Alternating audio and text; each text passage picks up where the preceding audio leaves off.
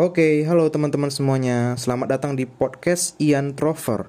Podcast yang sudah berganti nama, sebelumnya adalah podcast Salam Introver. Selama kalian masih mendengarkan pembukaan ini, artinya kalian masih mendengarkan episode yang dibuat sewaktu podcast ini bernama Salam Introver. Oke, selamat mendengarkan. Enjoy. Thank you.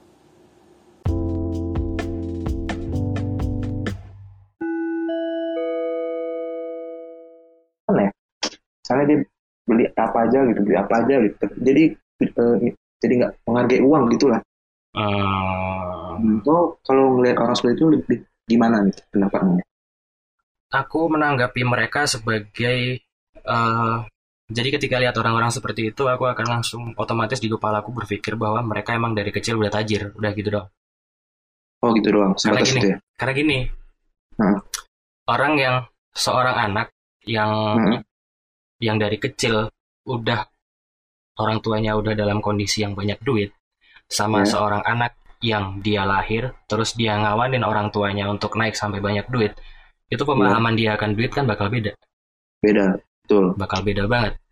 Eh, Sama- buat buat aku nih, aku adalah tipikal yang kedua di mana aku Iya, aku lahir dalam kondisi keluarga seadanya, iya, kondisi keuangan keluarga bahkan eh, di situ aku lahir itu orang tua aku masih dapat support dari kakek nenek aku secara finansial.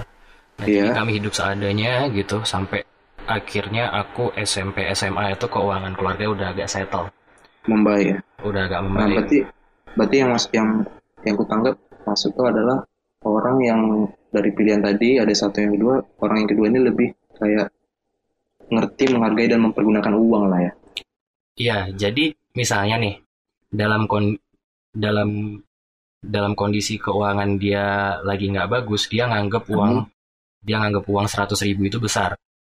hmm. Tapi dalam kondisi keuangan dia lagi bagus, dia tetap nganggep Hmm. 100.000 ribu itu besar. Hmm. Kalau kalau orangnya tipenya kayak aku ya, Hmm. maksudnya tipe orang yang pernah ngerasain rasanya nggak punya duit gitu. Hmm. Itu orang itu akan lebih respect sama duit. Nah, Hmm. lebih bakal lebih respect juga sama yang namanya pemberian. Nah, Tapi kalau orang-orang yang emang udah dari dari awalnya emang udah kenal duit dan nganggep nganggep duit itu sebagai it's just a thing, sesuatu yang nggak Mhm. perlu dicari dengan sampai berdarah-darah, hmm. ya itu emang eh, mereka akan memahami bahwa 100.000 ribu itu angka yang tidak besar bahkan sampai mereka mati nanti gitu. Dan itu Iya. bukan salah mereka juga karena mereka hidup Iya di tempat yang seperti itu kan. kita nggak bisa kita nggak berhantu nyalain lah ya Ya, dan tapi masalahnya adalah orang-orang seperti itu nanti mere- mereka adalah orang-orang yang anti jatuh miskin. iya Sedangkan orang-orang kayak gue mau jatuh miskin mau jatuh miskin juga tetap santai orang dulunya juga gitu kan. nggak nggak masalah gitu nggak takut iya kan, takut. lebih berani ambil Iya, resiko siap secara mental. sekarang masih main Dota aja satu ada game-game lain Ya aku ngikut teman-teman sih, teman-teman ramai di Dota ya aku main di Dota aja. Si Dota aja ya. Ya, karena kan sekarang kan apalagi kita udah tua ya. iya anjir Game- kita udah tua Game kan game kan cuma buat Ah. penghibur aja. Heeh. Jadi maksudnya apalagi sekarang kalau kalau dulu waktu SMA ya masih punya cita-cita buat jadi profesional player gitu kan. Sekarang Sekarang- profesional player tai kucing. kayak kucing eh ini ngomong tadi udah tua kan Mm-mm. jadi gini tadi kan kan Ame, Ame kan lagi pulang nih kan ke Ya, sini hah? jadi tadi kami keluar lah kan jalan nih bonceng aku dibonceng kan nah, ada kakak-kakak nih Hah? ada kakak-kakak eh bukti lah bukti Ukti, ukti, siap. Tadi aku kakak kan, eh jadi lagi macet gitu. Aku bilang sama dia, Wih cok cok, kasihan nih kakaknya cok macet cok, selamatkan cok. Aku bilang gitu, canda-canda biasa lah.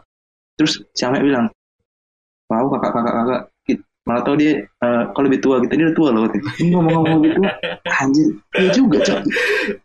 Aku sering nggak nyadar gitu, Lex. Kalau kita udah tua, Lex, kayak nganggap masih SMA aja kayak lihat sate kita masih SMA aja gitu kalau udah ngumpul. Iya sih. Kok kok ngerasa gitu gak sih?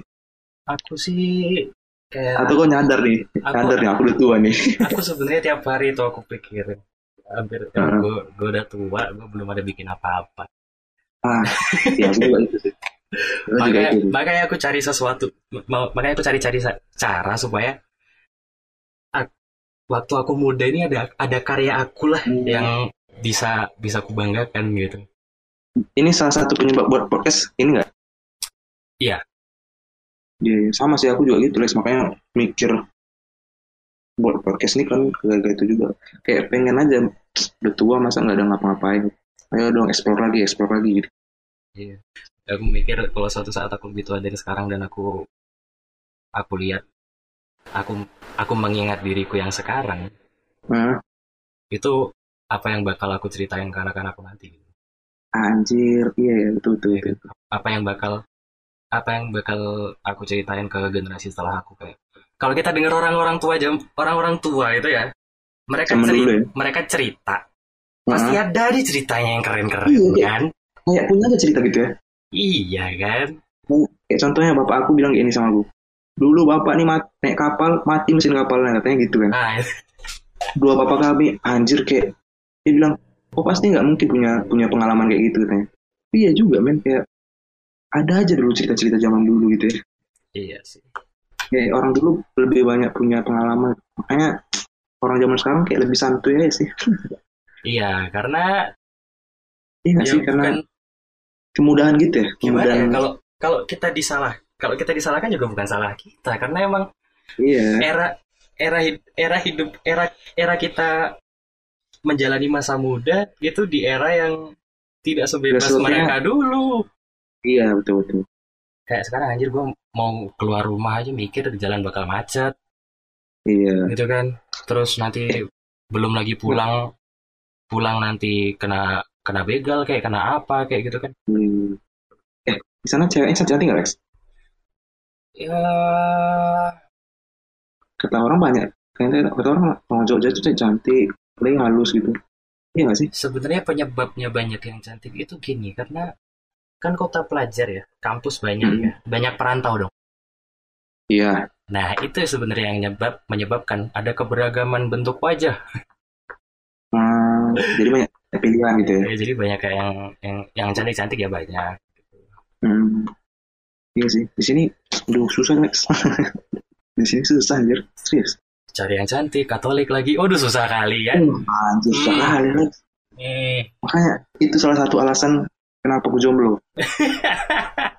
Ini ya biar kalian tahu yang pendengar ya. Kenapa aku jomblo bukan karena aku merasa diri jelek, bukan dia yang salah kalian. karena itu susah nyarinya yang seiman. Ya semua orang pasti mau seiman lah kan. Iya sih. Gitu susah. Apalagi Katolik harus yang seagama. Eh sorry, mas aku udah Katolik suku lagi. Nah, Harus sama gitu. Susah cuy. Udah nyari yang cantik aja susah. Apalagi pakai embel-embel gitu.